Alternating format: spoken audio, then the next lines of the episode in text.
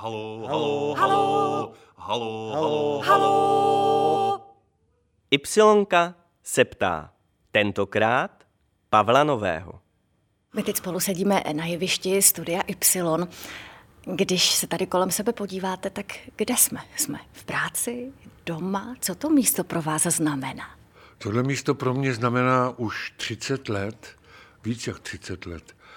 Od roku 89, 3. září, to vím přesně. 2. září totiž jsem ještě pracoval na dráze, traťový úsek přiberám jako traťový dělník a když jsem přišel domů ve dvě hodiny ze šichty, tak zvonil telefon a ozval se Honza Šmít, že jestli ještě pořád chci do Y. Já jsem se sem tlačil deset let.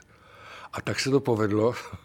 A říkal, tak a kdybyste mohl přijít? Já jsem říkal, no, tak zítra v deset začíná zkouška, tak já tam v deset budu. Rychle jsem běžel ještě do kanclu na nádraží. Nebyl jsem si ještě ničím jistý, ale hned jsem tam letěl a stihl jsem tam ještě svého šéfa a říkal jsem, hele, končím.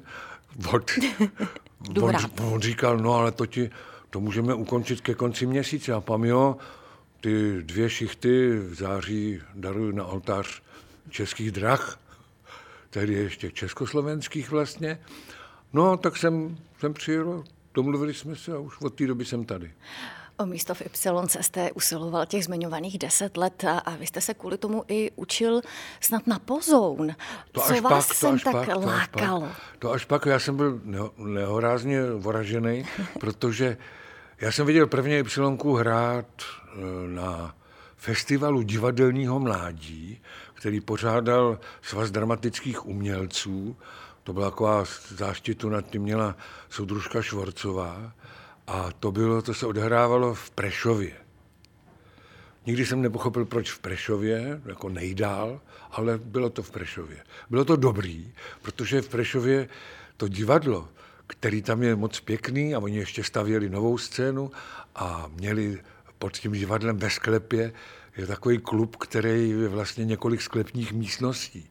Takže tam se bylo až do rána, protože nás tma v podstatě děsila, tak jsme tam byli až do svítání a pak jsme šli teprve spát. A já jsem tam byl s Karlovarským divadlem, hráli jsme tam představení, který režoval Zdenek Pospíšil a viděl jsem během jednoho dne dvě představení Ypsilonky. Ráno takovou férii po uliční, která se jmenovala Michelangelo která mě eh, jako uchvátila. A večer bylo 13 vůní. Normálním divadle, normálním představení. Já jsem si říkal, to je rozpětí, to je všechno, co vůbec v divadle existuje a to obsahne jedno divadlo? No tam chci. A tak jsem hledal, tak našel jsem večer právě v tom, v tom klubu dole, jsem našel Honzu Šmíde a říkal jsem, mně se to moc líbilo a, a, a já bych chtěl k vám do divadla. A Honza Šmít mi položil otázku, na co umím hrát. A já jsem nehoráznou drzostí řekl na kytaru. Já umím tři akordy k ohni, to je všechno. No ale náhoda přeje připraveným. No a tak jsem, jsem chodil a musím říct, že se asi za mě přimluvil i Jiří Lábus a dokonce tady jsem podepsal několik vět, to zase měl na svědomí Jirka Šmicer, mm. se kterým jsem točil eh, a tak jsem to šel sem podepsat. No a pak to takhle dopadlo, no, báječně. Je v Y pořád to, co vás sem tehdy tolik táhlo? Jo, jo, občas jo. Hlavně eh, tady bych, tady bych měl říct jednu důležitou mm. věc, která je pro mě absolutně jako první. Mm. Nikde, fakt nikde, ani teď, ani předtím jsem nezažil na jevišti při zkouškách takovou svobodu. Já fakt, můžeme tady přijít s největší kravinou světa. Buď to nás Honza pošle do příslušných mezí. Ne, to tam nedělej to. A nebo řekne, počkej, počkej, no tady ne, tady ne, třeba, třeba někde jinde. Naopak, když někde zkouším jinde, tak se dozvím takový, jakože to tady nedělej, to si nech no, do Ypsilonky. A já vím hned, že jsem doma. Na jevišti Studia Y si povídáme s hercem Pavlem Novým, který tady na těchto místech se hrál mnoho, mnoho her. Je nějaká, která vám zkrátka z té hlavy už nikdy nevyprchá, která vám tak uvízla v mysli? Vlastně každá. Každá ta hra, která se tady dělá, tak má vždycky nějaký, nějaký, nějak, nějakou zvláštnost. Hmm. A je bez, miluju zde místní naše opery. Počínaje prodanou nevěstou. Viděl jsem tady operetu Mamzel Nituš, ve který byl úžasný Jiří Lábus jako Celesten i Floridor. A e, byli tady Mozarta, my jsme si troufli na Mozarta. Je to takový, no musím říct, že vlastně jsme, e, nevím, jestli by z toho Mozart měl radost, ale v Národním se s Donem Giovannim mažou tři a půl hodiny. My jsme byli za 17,5 minuty hotoví a bylo tam všechno. No a to bylo dílo Mirka Kořínka. Když jsme u těch jevišť, tak jestli si to správně pamatuji, tak vaším prvním jevištěm byla stolička. Doma. Ty máte teda informace, jste hodně naštudovaná. No, takový štokrdle, jako hmm. se dává v kuchyních, bývá s tou dírou nahoře, aby se to vzalo do ruky, protože svým vrstevníkům, většinou byli všichni starší než já, tak jsem hrál divadlo tak, že jsem vylez, abych byl samozřejmě na jevišti, tak jsem vylez na tuhle štokrdle, oni seděli na zemi a já jsem všechno uváděl vždycky dětičky malí. Oni byli dětičky malí a já jsem byl ten herec, který jim to znamená vyprávění, to si nepamatuju. To, jak eh, milující matky pak říkají rostomilostí o svých dětech. A děti z toho to mají velkou radost, ano. A už tehdy, když jste lezl na tu stoličku, nebo později, když vám to vyprávěli, vám bylo jasné, že budete tím hercem? Já jsem o tom, hmm. dá se říct, skoro nikdy nepochyboval. Hmm. My jsme s bráchou jako děti hráli eh, v příbrami teda na železní rudě ochotníci, tam jsme hráli v neohroženém Mikešovi ty dva skřídky, ty hnusný, co mu vždycky škoděj. A musím říct, že už tenkrát, to si ale pamatuju, už tenkrát jsem to hrál s chutí. Co to člověku dává, když je hercem? Radost. Hm.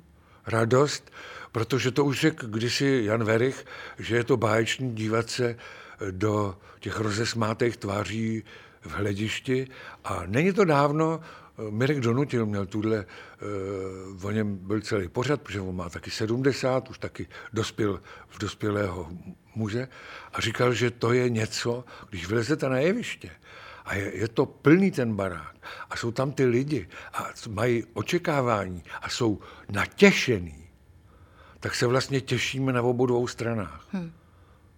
To je k nezaplacení. A ještě do toho dostáváme prachy někdy. Je pravda, že jste tady v Y zažil svůj největší aplaus, když vás během jednoho vánočního večera sem přivezli ještě na Jo, to, když si na to vzpomenu, tak jsem vlastně tak trošku na měko, hmm.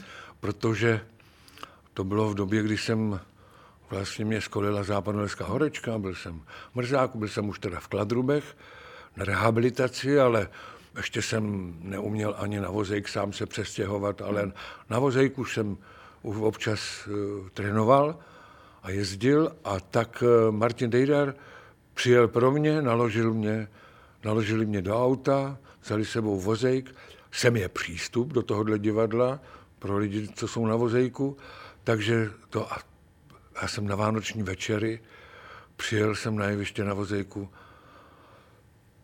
to se nedá popsat. Říká se, že na jevišti všechny bolesti a všechny nemoci odcházejí. Jo, jo, to končí. To všechno, všechno skončí, protože ani nemůžete. Musíte být s těma lidma, který jsou, který jsou hm. tady na jevišti, i s těma, co jsou v hledišti, takže nemáte čas. O souboru eh, Studia Y se říká, že je to ohromná parta. Projevilo se to, když eh, jste byl na dně, nemohl jste se hýbat? No právě, to jsem už Pomáhali popsal. vám? No, to za mnou chodili, dokonce ještě jsem byl v Motole v nemocnici. Nejenom, že někteří za mnou přijeli až do příbramy, na začátku úplně, když jsem toho moc ještě nevnímal. Byl jsem tak napůl v komatu, v umělém spánku a tak různě jsem se pohyboval, plácel takhle mezi tím bytím a nebytím. Tak za mnou i někteří kolegové přijeli, kamarádi, a musím říct, že to asi pro ně nebylo moc snadný, že bych jim chtěl touhle cestou poděkovat, protože pro mě to bylo důležitý. Já si to všechno pamatuju. Znovu říkám, vždycky říkám, ať je kdo chce v komatu nebo něco, choďte za ním, mluvte na něj, dotýkejte se toho člověka. Protože ten mozek to nějak všechno vnímá. Překonat západonolskou horečku určitě nebylo nic jednoduchého. Vaše cesta k herectví taky nebyla snadná.